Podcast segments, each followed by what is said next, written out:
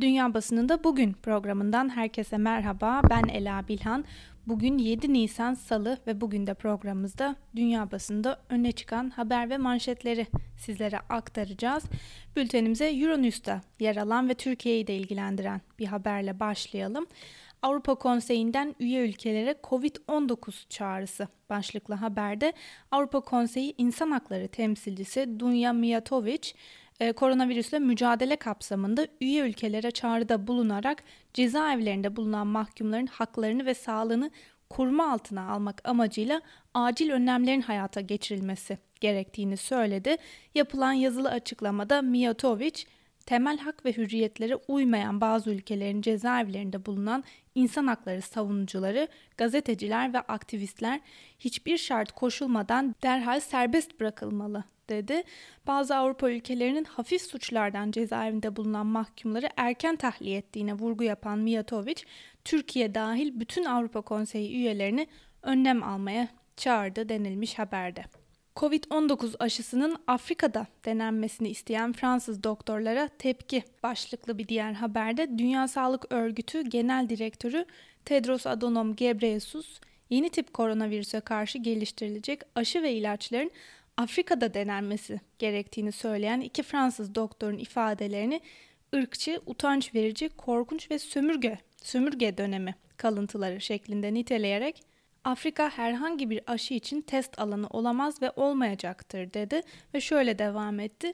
21. yüzyılda bilim adamlarından böylesine açıklamalar duymak utanç verici ve korkunç bir durum. Bu açıklamaları en güçlü şekilde kınıyoruz ifadelerine yer verilmiş. Birleşmiş Milletler Güvenlik Konseyi ilk kez COVID-19 krizini görüşecek başlıklı bir diğer haberde. Koronavirüs salgınına karşı hiçbir adım atmamakla eleştirilen Birleşmiş Milletler Güvenlik Konseyi Perşembe günü COVID-19'u video konferans yoluyla yapacağı kapalı oturumda ele alacak. Birleşmiş Milletler Genel Sekreteri Antonio Guterres'in salgının uluslararası barış ve güvenliği tehdit ettiği ve 2. Dünya Savaşı'ndan beri en zorlu kriz olduğu uyarılarına rağmen uluslararası barış ve güvenliği korumakla yükümlü Birleşmiş Milletler Güvenlik Konseyi uzun bir süre COVID-19 konusunda hiçbir adım atmadı. Birleşmiş Milletler Güvenlik Konseyi'nin seçilmiş geçici 10 üyesi konseyi toplantıya çağırırken diplomatik kaynaklar eleştiri ve suçlamaların odağı olma endişesi taşıyan Çin'in toplanma fikrine sıcak bakmadığını da söyledi denilmiş haberde. Avrupa Birliği ve Almanya'ya dair bir haberle devam edelim. Avrupa komiserlerinden korona tahvilleri için Almanya'ya baskı başlıklı haberde Avrupa Birliği Komisyonu Başkanı Ursula von der Leyen, COVID-19 salgınından etkilenen AB ülkelerine yardım etmek için yeni bir Marshall planına ihtiyaç duyulduğunu belirtmişti. Başta Fransa ve İtalya olmak üzere birçok ülke koronavirüsün neden olduğu ekonomik kayıpları gidermek amacıyla Avrupa Birliği seviyesinde yeni bir ortak borçlanma şeklinin ortaya çıkarılmasını talep ediyor. Bu hisseler sayesinde COVID-19'a karşı mücadelenin finanse edilmesi ve üye ülkelerin ekonomilerinin yeniden inşasının sağlanması hedefleniyor. Vergi planları konusunda en muhafazakar birlik üyeleri arasında bulunan Almanya, Hollanda, Avusturya ve Finlandiya'nın da aralarında bulunduğu birçok ülke korona tahvillerine karşı çıkıyor denilmiş haberde. Bültenimize Alman yayın kuruluşu Deutsche Welle ile devam edelim. Almanya'da salgın önlemleri 19 Nisan'a dek sürecek başlıklı haberde Almanya Başbakanı Merkel yaptığı basın toplantısında koronavirüs pandemisinin pandemisinin karşı karşıya kalınan en büyük tarihi krizlerden biri olduğunu söyledi. Merkel içinde bulunulan salgın için Avrupa Birliği'nin karşı karşıya olduğu en büyük varoluş sınavı ifadesini kullandı. Pandeminin bütün ülkeleri aynı biçimde vuran simetrik bir şok olduğunu söyleyen Almanya Başbakanı Merkel, Avrupa'nın bu krizden güçlenerek çıkmasının hem Almanya'nın hem de diğer birlik üyesi ülkelerin yararına olacağını belirtti. Merkel Almanya'nın durumunun iyi olmasının Avrupa'nın durumunun iyi olmasına bağlı olduğunun altını çizdi ve Avrupa Birliği'ni koronavirüse karşı birlikte savunmaya davet etti denilmiş haberde.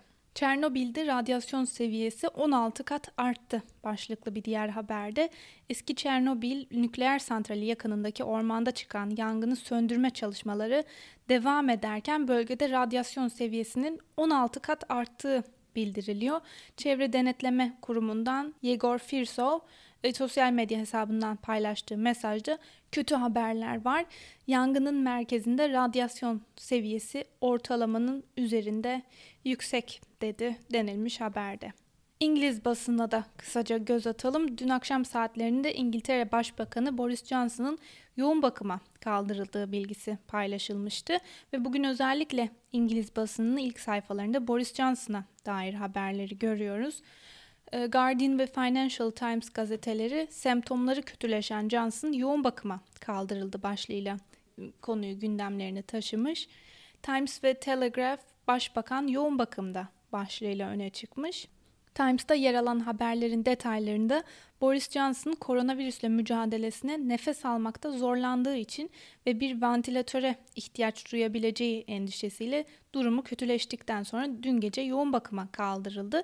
Solunum güçlüğü yaşayan Johnson saat 19'da Güney Londra'daki St. Thomas Hastanesi'nde yoğun bakım ünitesine alındı denilmiş haberde. Telegraph gazetesi Boris Johnson yoğun bakımda ve durumu kötüleşiyor başlığıyla öne çıkmış. Telegraph'ta yer alan bir diğer haberde ise Johnson'ın hastaneye kaldırılmasının koronavirüs salgınının ne kadar büyük bir tehdit oluşturduğunu gösterdiği belirtilmiş. Gazete, Başbakanın bu krizin böylesi önemli bir anında hastaneye kaldırılması, pazar akşamı kraliçenin gidermeye çalıştığı ulusal savunmasızlık hissini güçlendirdi. Johnson'ın maruz kaldığı stres düşünüldüğünde kolayca iyileşmemesi de şaşırtıcı değil ifadelerine yer verilmiş. Öte yandan Johnson görevini sürdüremeyecek hale gelirse görevi geçici süreyle kimin devre, devralacağı tartışılmaya başlanmıştı. The Guardian'ın haberine göre Britanya'da birinci Dışişleri Bakanı Başbakanın bir numaralı vekili sayılıyor. Johnson Johnson'ın hükümetinde bu görevi Dominic Raab yürütüyor. Johnson'ın görev devretmesi gerekirse başbakanlığı Raab'ın alacağı tahmin ediliyor ve yine Guardian'ın haberine göre Johnson'ın sağlığının kötüleşmeye devam ettiği günlerde durumunun iyi olduğuna dair açıklamalar yapılması bazı muhafazakar parti milletvekillerini gelecekte yapılacak açıklamalara dair güvenin azalabileceği yönünde endişelendirdi. Aynı konuyu gündemine taşıyan İngiliz yayın kuruluşu BBC, İngiltere'de başbakanlığa vekalet eden siyasetçi Dominic Raab kimdir başlığıyla öne çıkmış 3 yıl gibi kısa bir süre önce Dominic Raab kabinede bile değildi. Fakat şimdi Dışişleri Bakanlığı'nı yönetiyor. Normal şartlarda 46 yaşında eski hukukçu Raab ülkeyi yönetme imkanı bulamazdı. Sert bir Brexit yanlısı olan 2009, 2019 yazında Muhafazakar Parti liderliğine adaylığını açıkladı fakat milletvekilleri tarafından ikinci turda elenen isim oldu. Raab Johnson'ın öncülü olan eski başbakan Theresa May ile de anlaşmazlık yaşadı ve getirildiği Brexit Bakanlığından 4. ayında istifa etti. 2010'da milletvekili seçildiğinden bu yana Raab'ın partisinin liderliğiyle ilişkisi inişli çıkışlı oldu.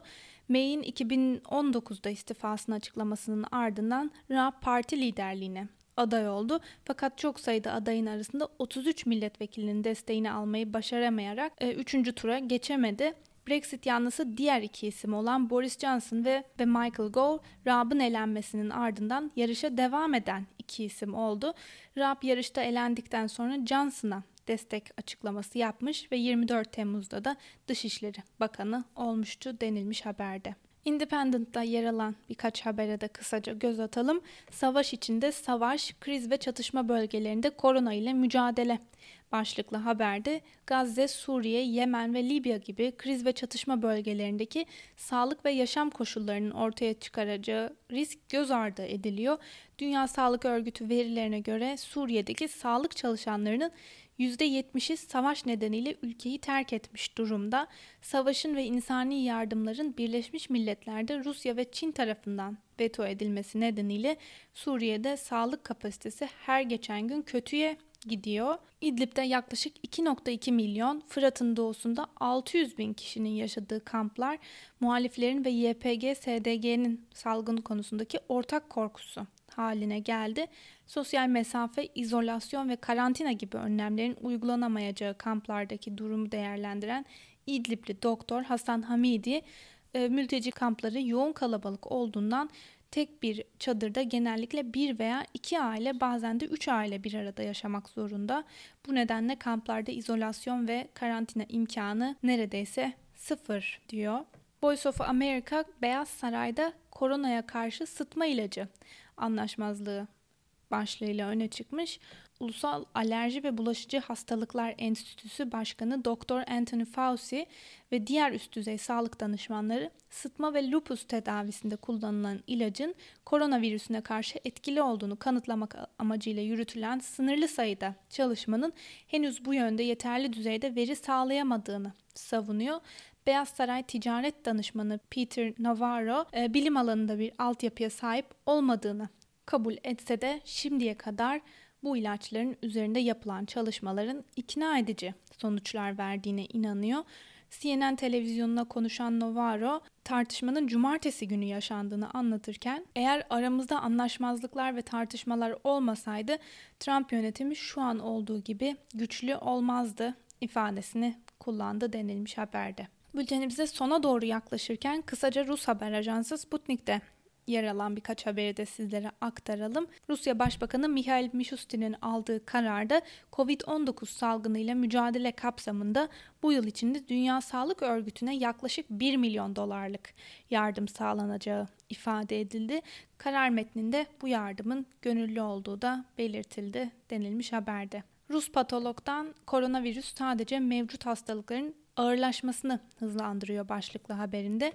Russia Today televizyonuna konuşan Sitovskaya, COVID-19 hastalarının çoğunlukla kendilerinde zaten görülen hastalıkların ağırlaşması sonucu öldüklerini, koronavirüsün sadece söz konusu hastalıkların ağırlaşmasını hızlandırdığını ifade etti.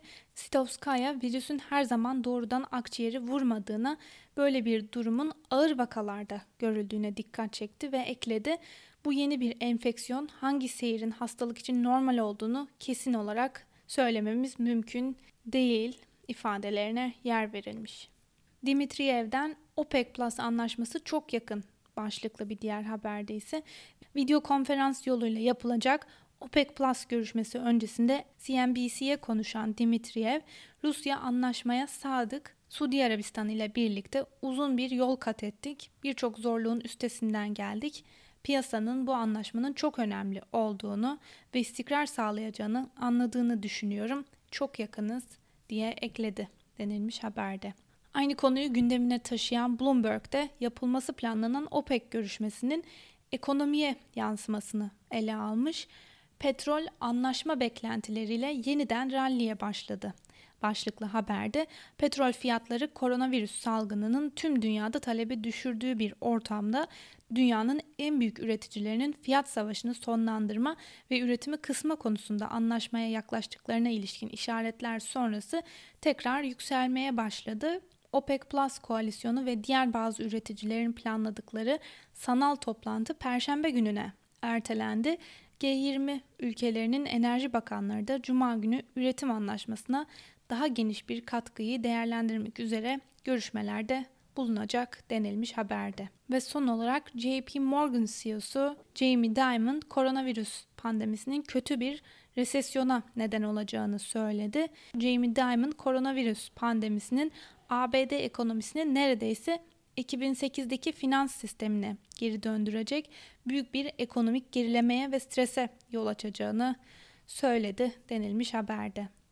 Sevgili Özgürüz Radyo dinleyicileri bu haberle birlikte bugünkü programımızın da sonuna geldik. Yarın aynı saatte görüşmek dileğiyle şimdilik hoşçakalın.